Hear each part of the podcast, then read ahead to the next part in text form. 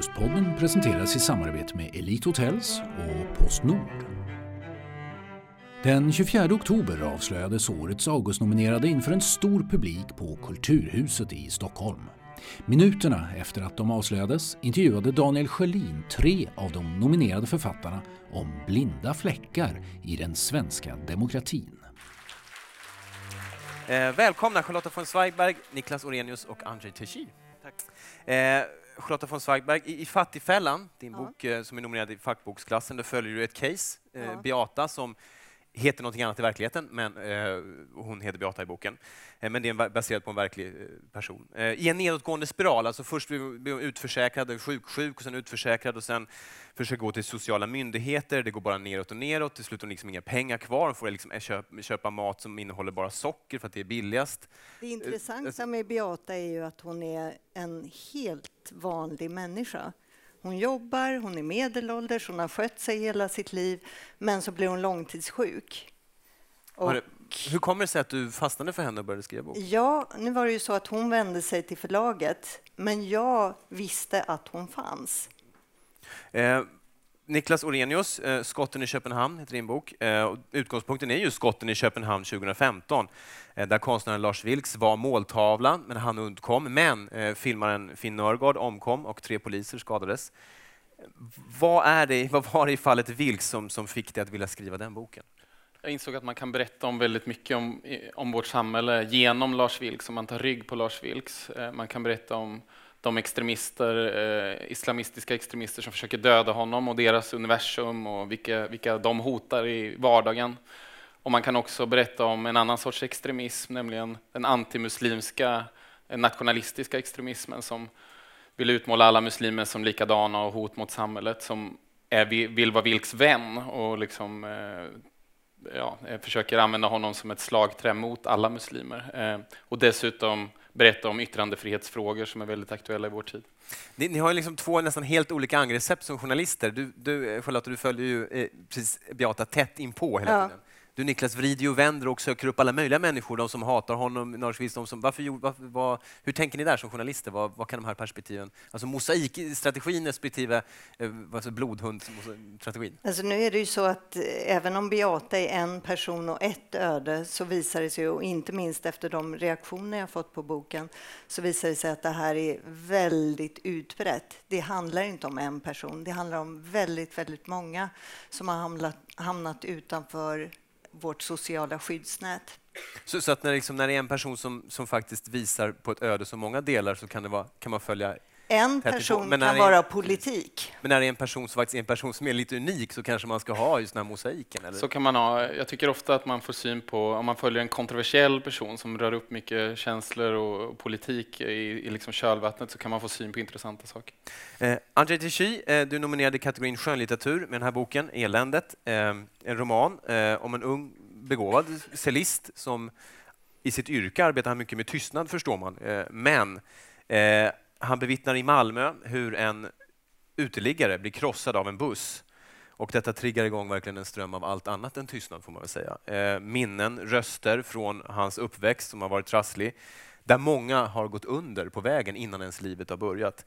Eh, och man slås av att det är verkligen kraftfull text, en vred text. Hur, hur tänkte du kring formen på berättandet? Hur, hur kom den? till? Mm.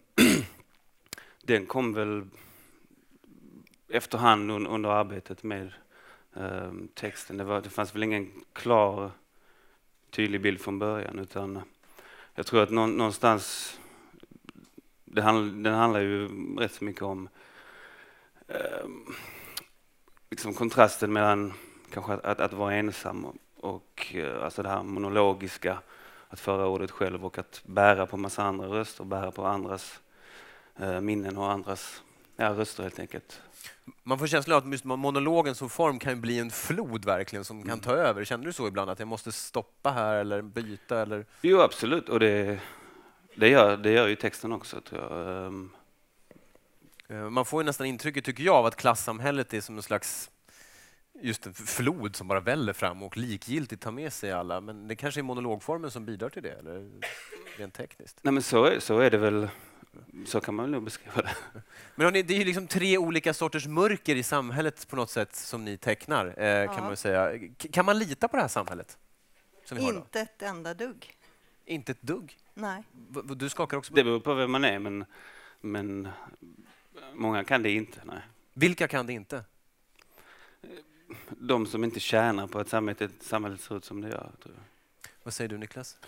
Ja, nej, jag, jag håller med om att det beror på vem man är, verkligen. Eh, men jag tycker också det är, det är viktigt att, att framhålla att jag ska faktiskt just skriva eh, om tillit, mitt nästa projekt. Eh, och, och, eh, jag tycker det är viktigt att framhålla att om man nu liksom ska jämföra mellan länder så är ju tilliten ganska hög i Sverige ändå. Det betyder inte att det finns folk som inte har tillit och inte heller ska ha tillit i samhället. Det finns många som samhället sviker, men i ett internationellt perspektiv så är tilliten till samhällsinstitutioner ganska hög i Sverige och det är viktigt att hålla fram, tycker jag. Fast jag tycker att just tilliten är ett problem. Det tänkte jag på när jag höll på med Beata. Både hon och alla runt omkring henne tror att ja, men vi lever ju i Sverige. Vi lever ju i Sverige. Du kommer inte svälta. Du kommer inte bli vräkt. Vi har, även om eh, ja, vi har Försäkringskassan, vi har SOS. Eh, de tar över. Klarar du inte att försörja dig så, så träder en annan eh, organisation in. Och så visar det sig, som i hennes fall, att nej, men så är det inte. Och det blir ett extra stort problem att alla tror att det är så. Jag menar folk runt omkring henne, när hon inte får pengar från SOS så är det där, mm, jaha, ja, men vad har du för hemlighet då? Varför får inte du pengar? Det, det måste ju bero på någonting. Och det beror inte på någonting alls, annat än att vårt socialförsäkringssystem har krackelerat.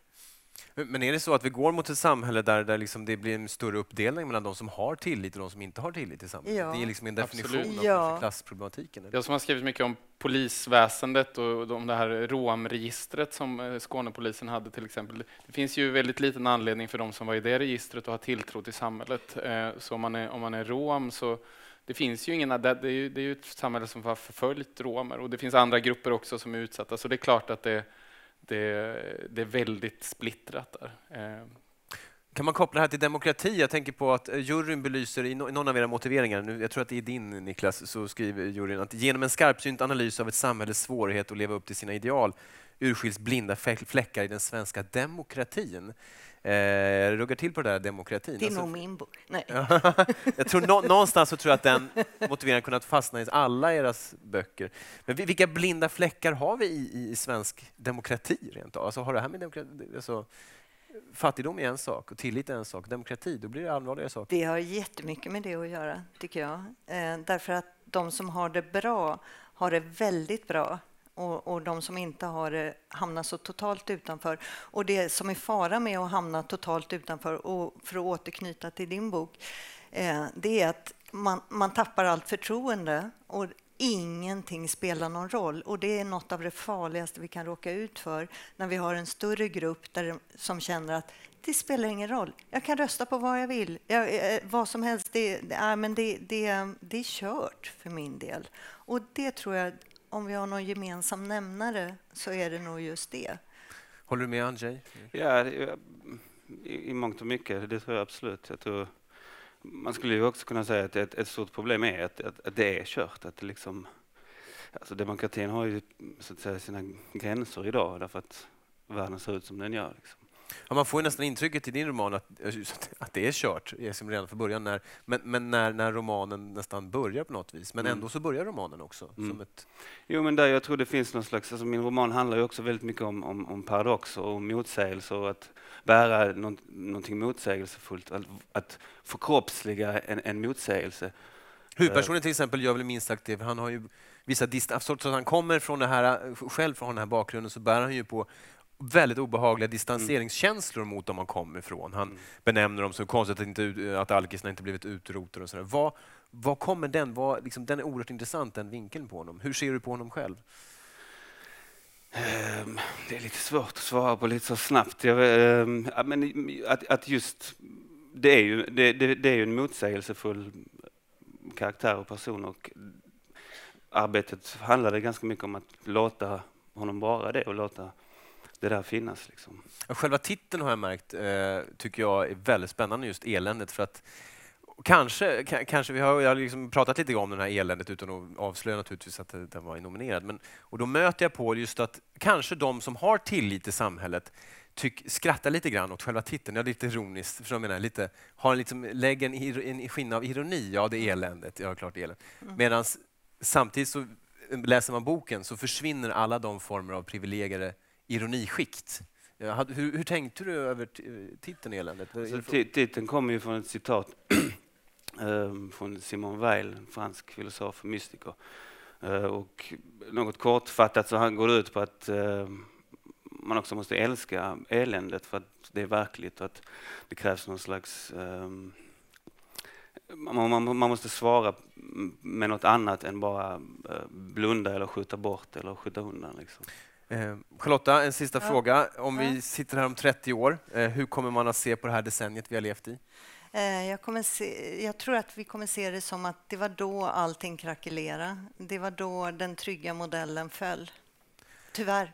Jag hoppas att man däremot har höjts igen och börjat se till alla.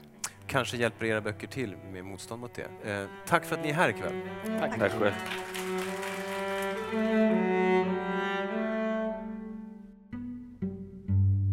Augustpodden presenteras i samarbete med Elite Hotels och Postnord.